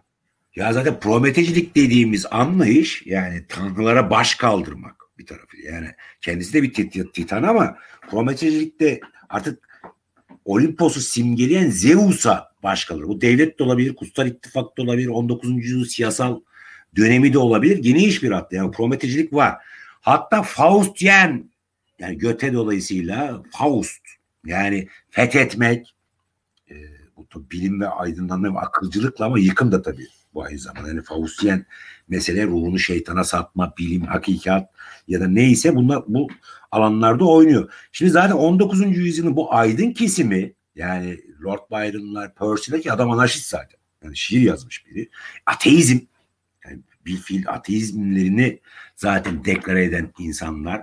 Daha sonraki kuşaklar yani Chardist denilen işçi sınıfını da arkasına alan William Morris'ler, John Ruskin'ler koca bir kuşak. Zaten bir fiil ateizm e, üzerinden e, Hristiyanlık eleştirisi üzerinden kendi kimliklerini hem sanatsal kimliklerini hem politik kimliklerini ediniyorlar. Şimdi burada mesela Frankenstein'le ilgili bazı yorumlar var. Bunların e, bazıları aşırı yorum haline gelebilir. Hani biz diğer e, konuşmalarda bu aşırı yorumdan biraz Umberto Eco'ya e, göndermeyle kaçınmak gerekir diyoruz ama mesela Moretti'nin Mucizevi Göstergeler kitabı Metis'ten e, çok güzel bir saptaması da var. Yani Frankenstein üzerine. Şimdi dönem endüstri devriminin artık bir işçi sınıfı ürettiği yani Engels'in daha sonra İngiltere'de işçi sınıfının durumu kitabında çok net göstereceği e, Hogarth'ın e, Hogarth'ın e, gravürlerinde gördüğüm o sefalet hali var. Yani büyük kentler Manchester gibi, Liverpool gibi e, işçi ya da daha sonra Charles Dickens romanlarında görülecek e, daha sonraki kuşakta. E, çünkü biz 1810'lar 18'lerden falan bahsediyoruz. Yani daha 1830'lar, 1840'lar, 1870'ler gibi e, modernizmi de e, hazırlayan o Komünist Manifesto'nun tarihi 1848. Yani Paris Komünü 1871. Daha şeydeyiz yani. 19. yüzyılın başındayız. Dolayısıyla o somutlaşmış İngiliz kapitalizmine karşı bir nefret ve bir eleştirilik zaten İngiliz romantizminde genel anlamda romantizmde var ama İngiliz romantizminde bu redingot'a karşı yani babaları ya da aristokrat redingot takım elbisinin kökeni o burjuva ikiyüzlülüğüne karşı paraya karşı doğaya çekilmek, pastoral olana çekilmek, kıra çekilmek zaten bir şey altın yani. Zaten romantikler ilk trekking yapanlar. Hem Almanya'da hem de e, başka yerde. Yani bayağı e, doğayı bir köylü gibi görmüyorlar bunlar. Doğayı pitoresk, resim gibi görüyorlar. Yani. Doğa bir köylü açısından zorluktur. Yani ama bir üst orta sınıf aristokrasi köylü bir doğa bir manzaradır. O anlamda manzaranın keşfinde de romantikte çok önemli bir yerde ki Frankenstein'ın edebi dilinde bu manzarayı hem İsviçre'nin hem İrlanda'nın hem İngiltere'nin e, Alplerin e, görüyoruz. Yani lirik e, çoğu zaman lirik anlatımda. Neyse Moretti şunu diyor. Sınıf çelişkilerin çok yoğun olduğu ve ilk endüstri işçi sınıfının oluştuğu İngiltere'de Frankenstein ayak takımının paçavralarıyla, kadavralarıyla oluşmuş bir yaratık. Yani çünkü suçluların cesetlerinden, e, salgından ölenlerin cesetlerinden vesaireden alınıyor. Dolayısıyla e, ucubede yaratılan alt sınıflar birleştiriliyor ve hoşuna gitmiyor şeyin. E, küçük burjuvanın diyelim ya da burjuvazinin diyelim ya da aristokrasinin diyelim böyle bir yorum da yapıyor. Ama tabii şimdi hem Percy Shelley hem de Lord Byron'ın demokratik yönüne hatta sosyalizme ışık yakan yönlerini hatta anarşizme Percy e, Shelley'nin bakıldığında e, biraz da acayip geliyor ama yine de güzel bir yorum. Yani e, ayak takımının parçalarından oluşmuş bir yaratık. Laboratuvarda oluşmuş bir yaratık ama grotesk ve çirkin. E, zaten bu grotesk kavramını da açmak lazım. Onu da unutmayalım. Çünkü romantizm hani Shelley'in de içinde olduğu Byron'ların da içinde olduğu, Alman romantiklerin de içinde olduğu, hatta daha sonra William Morris, John Ruskin gibi e, insanların da içinde oldukları aralıkta gotikle beraber grotesk bir tür e, altın çağını yaşıyor. Zaten bazen gotik ve grotesk beraber işliyor. Karşımızdaki o grotesk. Grotesk nedir? Yani grota Latince yani bok demek yani gübre. Yani biçimsiz ama verimli. Yani çünkü toprağı besliyor gübre. Hani yeşil şey kimya devrimi olmadığı için yani gübre eninde sonunda dışkı demek. Yani bizim anlamımızda hijyenik anlamda bir dışkı değil bu. Verim. Toprağı tazeleyen grota biçimsiz yani. Dışkı da biçimsiz olduğu için yani grotesk. Yani karikatür. Acayip olan, ürpertici olan, e, tedirgin edici olan, tekinsiz olan en grotesk yaygın form zaten karikatür. Karikare e, İtalyanca e, saldırma fiilinden geliyor. Onun için gotik ve grotesk önemli bir anlatım formu. E, o anlamda ucube ve grotesk.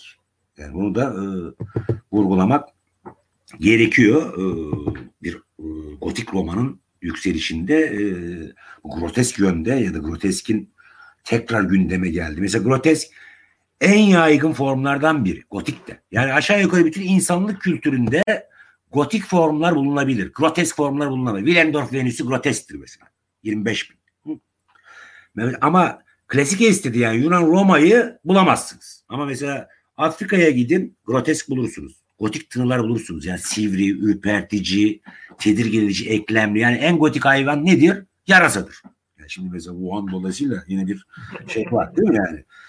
E, eklemli hayvanlardır gotik. Mesela bilim kurguda uzaylılar hep gotik formlarla ifade edilir. Yani Dark Vader da gotiktir. Mesela siyah değil mi? Yani e, o anlamda Eyvallah. eklemli. Eklemli yani istakoz, yengeç yani hem de gotik mimari de o eklemli yapıya sahip. O anlamda e, dediğim gibi bu grotesk ve gotiğin özellikle 19. yüzyılda bu romantik damarla müthiş bir güncellemesi var. Dediğim gibi bize de bu e, şu an sirayet etmiş ama altın çağı yaşıyor. Yani gotiği çektin mi Japon mangası biter. Goti'yi çektin mi anime dünyası biter. Miyazaki biter. Star Wars biter. Bilim kurgu biter. Game of Thrones biter. Batman Gotham City gotik şehir. Yani isim olarak zaten yarasa. Almıştı bir yarasa imgesiyle e, tekrar uğraşıyoruz. Şey anlamda Wuhan. Neyse bu işin biraz şey ama bunlar önemli. Yani 19. yüzyılda Frankenstein'ın öncü olduğu bir öncesinde Otranto Kalesi ile başlayan yüzlerce irili ufaklı bir bunun bir kısmı yüksek edebiyata geçen bu gotiğin mimariden mimariden geniş bir alana yayılması büyük bir devrim. Hala bunu şey yapıyoruz. Şimdi bu şey de var mesela Otranto Şatosu ya da Frankenstein'a şato giderdi aslında. Zaten isim şatodan geliyor ama Şimdi gotik edebiyatta ya da romantizm genel şeylerinde mesela yıkıntı şato önemli bir imgedir. Yani şato yıkılmış şato ama. Yani romantizmin bize verdiği en büyük estetik duyarlılıklardan biri de enkaz estetiğidir. Enkaz yani enkazdan estetik bir pitoresk bir şey almak. E, haz almak ya da deneyim yaşamak. Bu daha önce olan bir şey değil. Yani özellikle klasik estetik düşünümde Yunan Roma estetiği yani oran, uyum, denge, parlaklık, güzellik, ılımlılık gibi. Bir bakıyorsunuz bu ters çevriliyor. Yani hemen hemen her kültürde olan abartılar e, vesaireler ya da enkaz yıkıltı, yıkılmış bir şato. Ya da Moretti mesela ya da başka yorumcular mesela hani Frankenstein şatoda da geçebilirdi. İsim şatodan geliyor zaten de. Şatoda da geçebilirdi. Yıkılmış şato. Şimdi mesela tipik korku gör, görseli nedir? Yıkılmış bir şato var değil mi? Ay var arkada ve yarasalar uçuyor. Yani evet. pitoresk olarak. İşte bu gotik edebiyata borçlu olduğumuz imgeler bunlar. Tabii yıkılmış şato aristokrasinin çökmüşlüğünü de simgeliyor bir kısmıyla.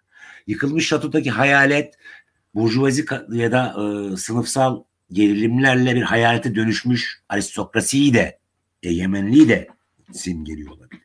Yani bunlar da geniş okumaya açık. Yani gotik edebiyat bize müthiş imgeler verdi aslında. Şato değil mi? Yani mesela Dracula, Stoker sonra onu Transilvanya'ya taşıyacak 1890'larda e, e, vampir ve şato öyküsü. Bugün de hala şato e, bu imgeyi yıkıntıysa. Onun dışında mezarlıklar zaten Victor Frankenstein'i yaratmadan önce uzun bir mezarlık turu da yapıyor. O anlamda bu tür imgeler, ay imgesi mesela romantizmin biz bize pitoresk olarak verdiği en önemli imgelerden biri güneş batımı. Güneş evet, batımı. Bugün mesela vapurda artık binemiyoruz da hani gün batımını çekiyorsak aslında romantizmin repertuarıyla çekiyoruz. Çünkü romantikler bu gün batımını pitoresk hale getiriyorlar. Yani elbette daha önce de var ama romantiklerle beraber bir, bir imge haline nedir? Melankolik hale geliyor. Seyredilebilir hale geliyor. Hüzünlü hale geliyor ya da mum. Yani biriyle mesela romantik bir yemek yiyecekseniz herhalde floresan lamba ile yemiyorsunuz değil mi? Ne koyuyorsunuz? Mum koyuyorsunuz. Yani alacakaranlık. O da gotiğin en e, formlarından biri. E, alacakaranlık ilişkisi. E, o anlamda hani e, groteski güncellemesi çünkü karşımızda bir canavar grotesk bir form var. Gotik geleneği güncellemesi ona yeni lezzetler vermesi anlamında da çok devrimci bir şey. Bilim kurgunun öncülü dedik yani. Bilim kurgu elbette bizim bildiğimiz anlamda 50'lerde altın çağını yaşamış bilim kurgu ve çok benzemiyor. Ama yine de laboratuvarda makinalarla, elektrikle, galvanizle, cihazlarla, buharla e, bir e, cam vermek e, daha sonra bilim kurulunun vazgeçilmez e, şeylerinden biri. Ya da bazıları mesela e, şöyle okumalar da yapıyorlar Frankenstein üzerinden. E, bu mesela günümüzde bilim kurguda çok yaygın. Makinelerin hakimiyeti. Yani tabii bu arada şu var. E, yaratık bir makine değil. Yani makinelerin aracılığıyla yaratılmış ama kendisi makine değil ama daha sonra mesela Frankenstein'daki bu imge bilim kurguda makine korkusuna dönüşüyor. Özellikle 45 nükleer savaş tehlikesi vesaire arttığında makinalardan duyulan korku, makineler bir gün bizi ele geçirecek. Yani makine imgesi 1910'larda ya da bir öncesinde olumlu. Olumlu imgeler. Mesela kübizmde olumlu, fütürizmde olumlu baktığınız zaman. Ama mesela 1940'tan sonra makine olumsuz. Hala da makinenin imgesi olumsuz. İşte Terminatörler, Matrix'ler genel anlamda koca bir onlarca örnek, yüzlerce örnek. Onun dışında mesela deli bilim adamı imgesi. Mesela vazgeçilmez imgelerden biri. Hem çizgi romanda yaygınlaşmış bir imge bu. Daha sonra Hollywood onlarca filmde değil mi yani delirmiş. Deha ama fıttırmış bilim adamı. Onun da ilk örneği her ne kadar Victor delirmiş bir bilim adamı olmasa da delirmeye az kalmış. Yani onu özellikle romanın sonlarında e, kaptanla diyaloglarında görüyoruz. Yani bu da e, delirmiş bilim adamı imgesi de ya da bilimin kötüye kullanılması, makine korkusu da daha sonraki kuşaklara e, formlar özellikle bilim kurguya e, ya da distopik edebiyata e, bol miktarda malzeme vermesi anlamına öncü. Bunu da e, vurgulamak isterim. Evet. O zaman Komedi mi? var mı Var. soracağım? Abi devam et devam işte edelim. buradan Devam küçük ediyor musun? görüyorum ya, bir, bir hareket edince sanki soru gelecekmiş gibi. Yok yok. Devam et devam ediyorsan. Şimdi neyse bir pazarlık var dedik. Bu çok önemli. Kritik eşik. Tanınma eşiği. Ad talep etme eşiği ve insan olma eşiği. Çirkin olsam da ben kendime bir yaşam kuracağım. Korkunç olsam da, canavar olsam da ama bana bir tane Havva yaratacaksın. Bunu yaratmazsan ben senin Havva'nı öldüreceğim. Yani Elizabeth üçüncü cinayet gelmiş oluyor. Bu müthiş bir korku. Bu arada tabii İngiltere'ye gidiyor Victor. e, oradaki üniversiteden e, bilim adamları temasları yani yaratacak şeyi e, eşi. Ama dediğim gibi biraz önce söylediğim ya bunlar çoğalırsa korkusu dolayısıyla sallamaya başlıyor. Üçüncü cinayette geliyor. En yakın arkadaşını da İrlanda açıklarında sanırsam denizde yakalıyor. Kaldı artık dört. Yani Elizabeth'e doğru şey çember daralıyor ve gerçekten daralıyor. Yani bir, bir günde bir açıyor panjurlardan vesaire rüzgar sesleri. Bunlar da gotik tınılar yani. Rüz, pencere çarpmaları vesaireleri. Ee, yani bugün bizim için standartlaşmış özellikle korku sinemasında, korku edebiyatında ya da genel olarak gotikte e, ya da distopyada aslında bunlar yeni şeyler. Hep olan şeyler değil. Mesela 18 romanın doğuşunda hani konuştuk Robinson'ları konuştuk, Don Quixote'ları konuştuk. Oralarda yok. Bunlar yeni yani icat edilmiş imgeler. Ee, O anlamda bunun sürekli altını çiziyorum. Hep vardı da sonra geldi değil. Mesela şu örneği ben vermeyi çok seviyorum. Mesela e, biraz önce mesela Dipel örneğini verdik. Şimdi Frankenstein'ın esin kaynağı Dipel Prusya mavisini icat ediyor. Değil mi yani Prusya mavisi bugün sanatçılar açısından. Cengiz sen de biliyorsundur şey olarak ressam olarak. Ee, önemli bir renk. Çünkü maviyi doğada elde etmek çok zor. Yani çok pahalı bir renk mavi. İşte Afganistan'dan geliyor ultramarin deniyor işte deniz aşırı. O da bir renk türü falan gibi. O anlamda mesela mavi icat etmesi bile Dipper'in önemli bir şey. Çünkü mavi dünyada en yoğun ama rengi nasıl elde edeceğim? Doğada yeşil var, sarı var, siyah var, gri var ama mavi çiçek bulmak zor. Ne bileyim yani çivit mavisi, indigo mavisi vesaire gibi. Mesela hep benim şu aklıma geldi. Mesela Homeros'ta mavi renk yok. Yani çok ilgimi, ilgimi çekmişti. Yani gök gözlü Athena var. Hı? Ama mesela denize şöyle bakıyorlar yani. Şarap rengi deniz. Hı? Deniz o. Gül parmaklı şafak. Yani deniz imgesi Homeros'ta batarkenki güneş. Yani güneş batarkenki deniz imgesini alıyor. Mesela, mesela Ege Denizi diyorsun mavi değil mi? Yani turizm imgesi falan. Mesela Homeros'ta balık da yok. O da ayrı bir tartışma yani. Balık yemiyorlar. Bunlar bir Antepli gibi şiş kebap. Ciğer. Yani o da beni çok şaşırtmış. Neyse böyle küçük bir ayrıntı ama yani şunu söylemeye çalışıyorum. Gotin, Gotin ve romantizmin Frankenstein dahil bize verdiği imgeler 19. yeni imgeler bunlar. Yani hep olan e, ve e, duran şeyler değil. Yani estetiği böyle bir tarafı da imaj icat ediyor bir tarafı. İşte Frankenstein diye bir imaj icat ediyor. Onun yüzlerce versiyonu var. Robinson diye bir imaj, Moby Dick diye bir imaj. Değil mi? Don Quixote'un kendisi zaten vesaire. Ya da Dracula Stoker'ın. Yani binlerce Dracula versiyonu var. O anlamda önemli. Neyse yani Elizabeth de gidiyor. Yani, o da bitti. Yani. Dolayısıyla artık e, kaybedecek insan da kalmadı. E, e, babası da üzüntüden ölüyor ve aile çöktü. Koca aile gitti yani. Sen bana aile vermedin. Ben de senin aileni aldım. Ama bunu üzgün söylüyor tabii yaratık. Yani burada bir oh olsun tavrı yok. Çünkü bütün romanı özellikle finalde belki vaktim olursa o finalde bir bölüm okumak isterim. Ee, yaratıcısına bir duygusal bağı var Tanrı'ya. Kendi Tanrısına. Yani kızıyor, işte yakınlarını öldürüyor. Ama hiçbir zaman onu öldürmeyi düşünmüyor mesela. Bu çok ilginç. Victor onu sürekli öldürmeyi düşünüyor. Yani silah, tabanca vesaire özellikle Elizabeth'in kat, katlinden sonra. Neyse bütün herkesi kaybettiğinde biz Victor bir divane artık. Yani bilim ima, e, inancını yitirmiş. Tamamen bir öç alma. Yani e, yaratıktan bir öç alma. Kafası artık sadece onun, onun için çalışıyor. Revanş alma. Müthiş bir yıkım yaşıyor ve biz e, yaratıkta tüyüyor tabii. Nereden tüyüyor? İşte gemilere biniyor, Karadeniz üzerinden, e, Rusya üzerinden hızlı haritalar bunlar. Kutup bölgelerine gidiyor ve Victor'da bütün amacı amacı artık o. Yani daha önce onu unuttu. Zaten bütün mesele onu unutmasıydı. Yani Tanrı Adem'i unuttu gibi. Şimdi unutma değil yani bütün mesaisi artık hayatının tek amacı onu yakalamak.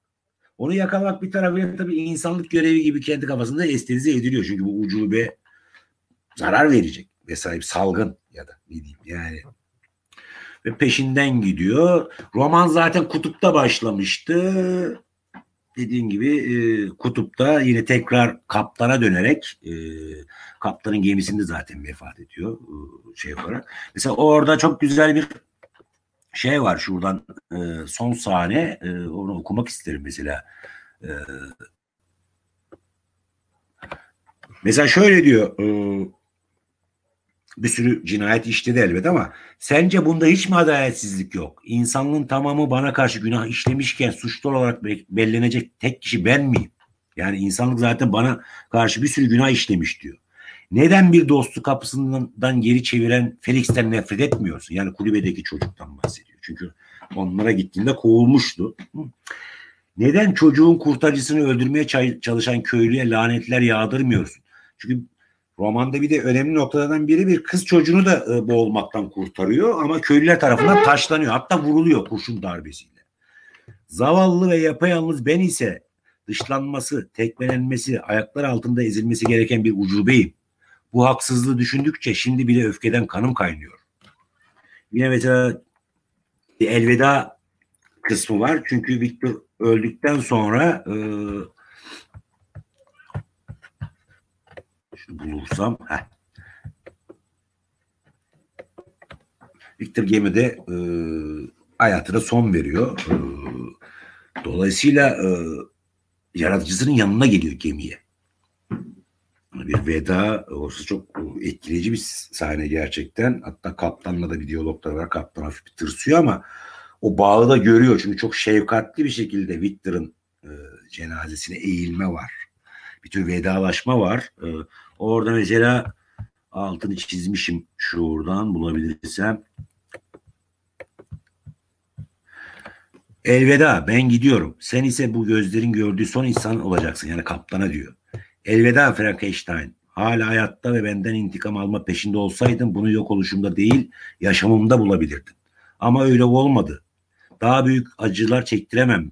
Çektirememem için beni öldürmeyi amaçladın. Eğer şu anda vakıf olan, vakıf olamadığım bir surette hala düşünebiliyor ve hissedebiliyorsan içinde bulunduğum şu durumdan daha büyük bir intikamı arzuluyor olamazsın. Sen de yıkıma uğradın ama benim acılarım yine de seninkilerden daha büyüktü. Çünkü pişmanlığın sivri uçlu hançeri benim yaralarımı deşmeyi daima sürdürecek. Yani biraz kötü okudum tabii not uzak olunca ama e, çok duygulu bir veda bu. Yani e, düşmanlık e, yok yani. Kaptanı da duygulandıran bir veba, veda sadece bir öpücük eksik belki de ve e, beyaz sonsuzluğa, buzula hani başlarken küçük bir nokta olarak görülüyordu zaten o buzulda. Çok önemli bir imgeydi. Mesela hani buzul meselesi tartışın orayı unuttum. Ee, mesela buzul ya da kutup dediğimiz Jack London aklımıza gelir değil mi ya? Orayı kuran imgelerden biri. Melville bir tarafıyla gelir ama daha çok da Jack London'dan mesela kutup imgesi bizde oluşmuştur. Şey olarak bakıldığında ben bir anda tabii çok sonraki bir kuşaktan bahsediyorum ama e, küçük bir nokta olarak bir buzulda görülen e, iki metre boyuyla bir yaratık tekrar buzulda kaybolarak gidiyor. Yani romanda böyle bir e, etkileyici bir şeyi var. E, yaratıcısına son bir veda ile beyazlıkta itip gitmesi var. Yani dediğim gibi sinema e, için çok verimli bir alan ama dediğim gibi romanı okumadıktan sonra sinema elbette güzel de filmler var. Benim sevdiğim filmler de var e, tümüyle o Frankenstein ruhuna e, vakıf olmak da çok mümkün değil. Çünkü karşımızda bir edebi başyapıt da var. E, Mary Shelley dili çok iyi kullanan bir yazar. O lirik anlatımı, doğa tasvirleri, hem eski ayeti göndermeleri, mitolojik tınılı göndermeleri vesaire bir edebiyat yapıtı da var. O anlamda e, izleyenlerde en azından okumaya dönük 400 sayfa, 400 küsür sayfa e, sanırım can yayınlarından bir baskısı var. İş Bankası'ndan da bir baskısı olması lazım. İki ayrı çeviri. E, okumalarını öneririm. Yani sadece sinema ilgisiyle kalmamış ve e, çevirmen kimindi? Tabii ben atölyede kaldığı için kitap e, kitap şu an önümde yok. E, sizde iletişim baskısı vardı değil Bende mi? Bende iletişim var. Serpil Çağlayan, e, Murat Belge'nin ön sözü, Walter Scott'un son sözüyle. Evet. Ben Güzel ben de onu, ben de ama sana, e, sanırım bir de e, şeyden var. Can'dan onun bir eski baskısı var. Bir de İş Bankası'ndan da bir Frankenstein baskısı var. 400 küsür sayfalık tuğla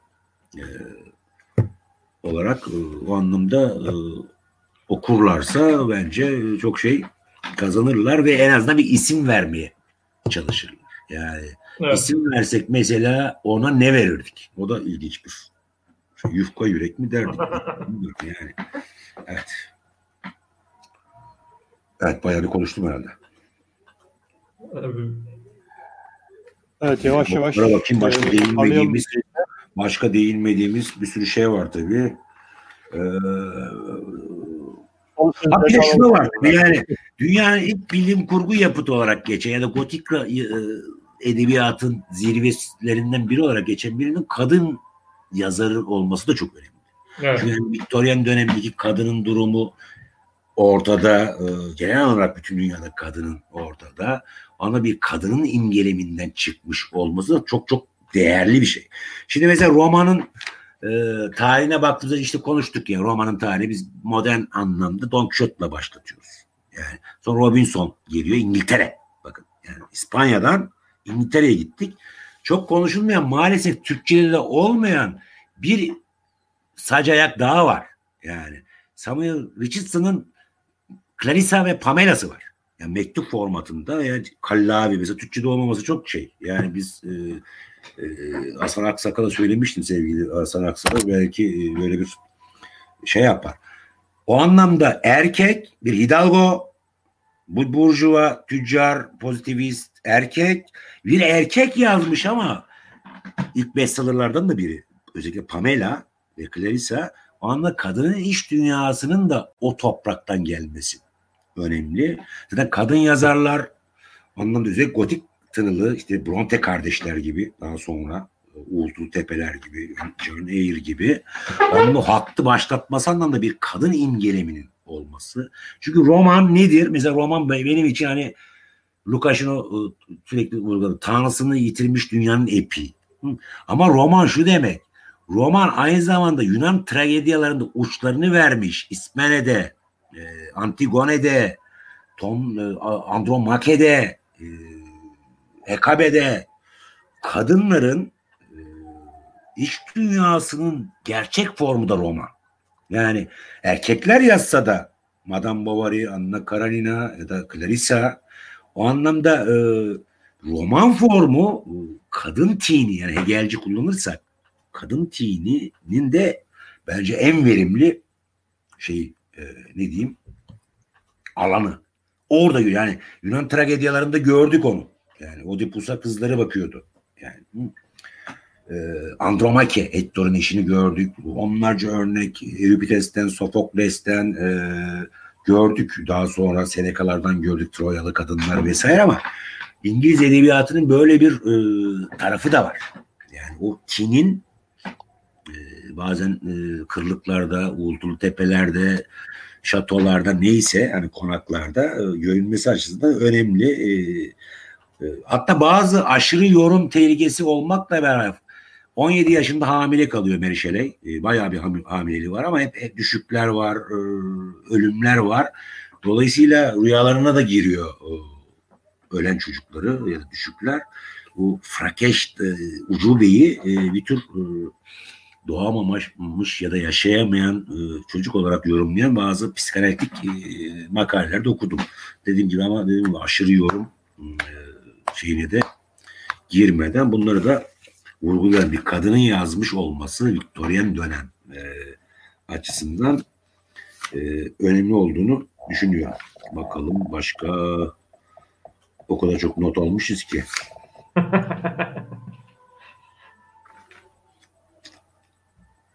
ha orayı unutmuşuz.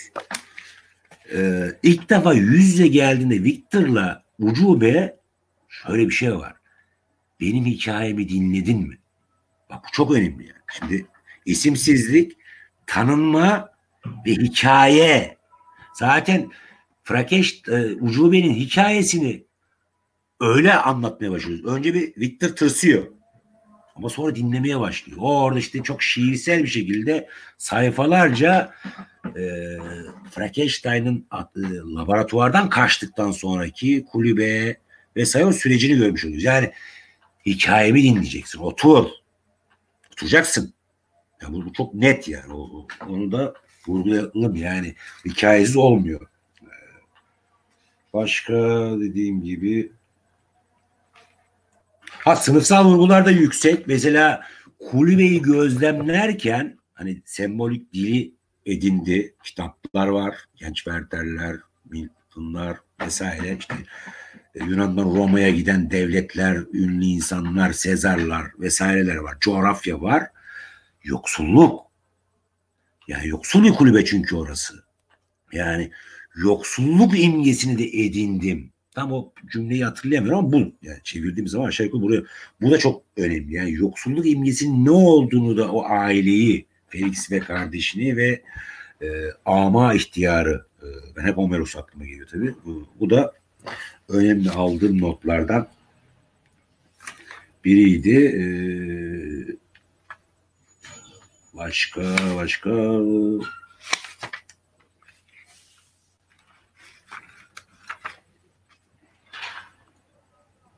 Zaten orada üç tane anlatım var aslında. Bir bu Walter'ın Walter'ın anlatımı, evet. bir Frankenstein'in anlatımı, bir de şeyi anlatımı. E, Ucube'nin anlatımı. Üç, üç, üç, evet, katmanlı gidiyor. Öyle bir ilginç bir şekilde yani Walter, Walter'ın anlatımında önce bir şaşırıyorsunuz ya. Nasıl başladı ya bu roman? Evet evet ben de yani, yani gemi kutuplara doğru giden ve Mar Margaret'le kardeşiyle bir mektuplaşmalar var. O mektuplaşma nasıl oluyor? Güncel herhalde o. Yani çünkü uçup da kardeşine bir anda gidemeyecek. Ee, öyle bir uzun bölüm var. Yani orada bir erginlenme. Tipik İngiliz romanında bol miktarda gördüğümüz. Yani Robinson'da ilk gördük bunu. Denize açılıyorsun başarılı olmak için bu hem ticari başarı hem de keşif düzleminde ama Robert Walton ticaretten çok bir keşif. Yani tayfalarında öyle diyor. Yani isminiz tarihe kalacak. Yani Kuzeybatı geçidi zaten bir mit. Yani uzun bir mit.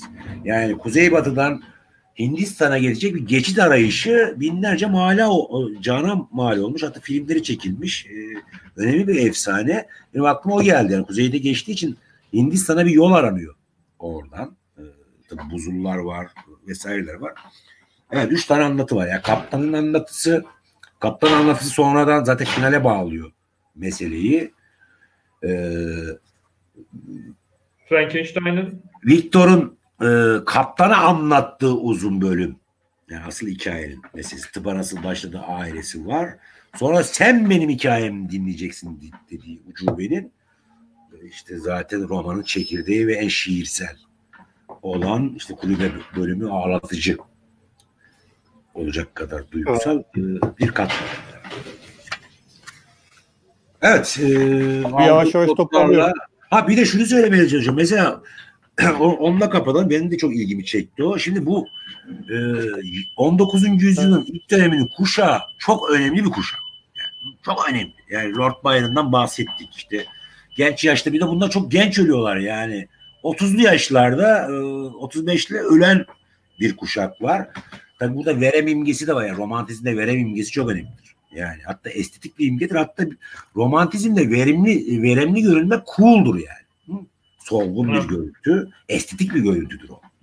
Sağlıklı görüntü romantizme uymaz. Yani e, o anlamda hani Percy Shelley e, vereme yakalanan e, bir figür. E, e, dediğim gibi e, e, ilginç insanlar mesela Lord Byron'ın evliliği problemli. Zaten cinsel tercihleri de e, var olan egemen anlayışa ya da heteroseksüel anlayışa uymuyor.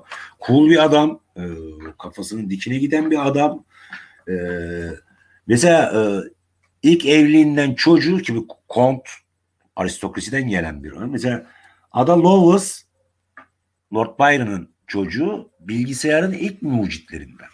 Yani, bu da ilginç yani o kuşak çünkü annesi babasından nefret ettiği için çocuğu matematiğe yönlendirmiş. Ve Lord Byron'ın kızı e, bilgisayar akıllı makineler anlamındaki ilk e, ne diyeyim çalışmaları başlatan insan olması anlamında önemli. Bu da tesadüfen çıkmıştı. Google'dan biraz arayınca o da ilgimi çekmişti. Bunu da e, şey yapalım. Böyle bir e, anekdotu da vermiş olalım. Evet.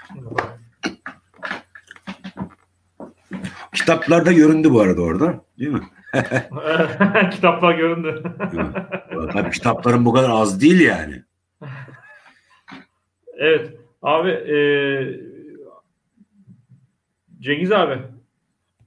E, Cengiz Cengiz'in herhalde, herhalde biz ya. Cengiz şeyde kaldı. E, Cengiz dondu. Dondu. O zaman ben programı bitiririm bugün de. Evet. Abi e, eline eline sağlık. E, ha, yararlı sağlık. oldu zannedersem biraz. Evet, yani. evet. Gay, gayet yani güzel kitap, oldu. Kitap yanımda yoktu tabii. Yani şu pandemi dolayısıyla e, atölyeye gidip alamadım. Dolayısıyla bazı şeyleri de anlatmadım tabii. Biraz Word belgesine dönüp bakmam gerekti. O biraz koparttı beni ama yine de e, derdimizi anlattık sayılır. Tamam. Okusunlar yani. Okusunlar. Yok yok roman tabii. Roman çok güzel. Son insanı okusunlar. E, Mary Shelley'in diğer kitabı evet. yani dediğim gibi distopya ve salgın anlatıyor zaten ve 2027'ler falan var roman. Evet. Yani, evet. O, o halde e, Cengiz de koptu ama ben de programı bitiriyorum. Eline sağlık. Yani, e, romanı okumalarını tavsiye ediyorum. E, abi sen koptun diye ben bitiriyorum programı. E, Kronik kitabın katkılarıyla hazırlanan e, Kültür evet, Tarih Sohbetleri'nin evet. e, 170. programına e, 170 oldu mu? 170 oldu abi. 170'i bitiriyoruz bugün. E, teşekkürler bizi izleyen. Teşekkür ederim. Ben teşekkür ederim. Ali abi sana da özellikle teşekkür ederiz. Yani evde kalalım. Şey evde kalalım diye. Evde kalalım, sağlıklı kalalım. E, yüz yüze görüşmek üzere. Hepinize evet. hoşça kalın. İyi akşamlar. İyi akşamlar.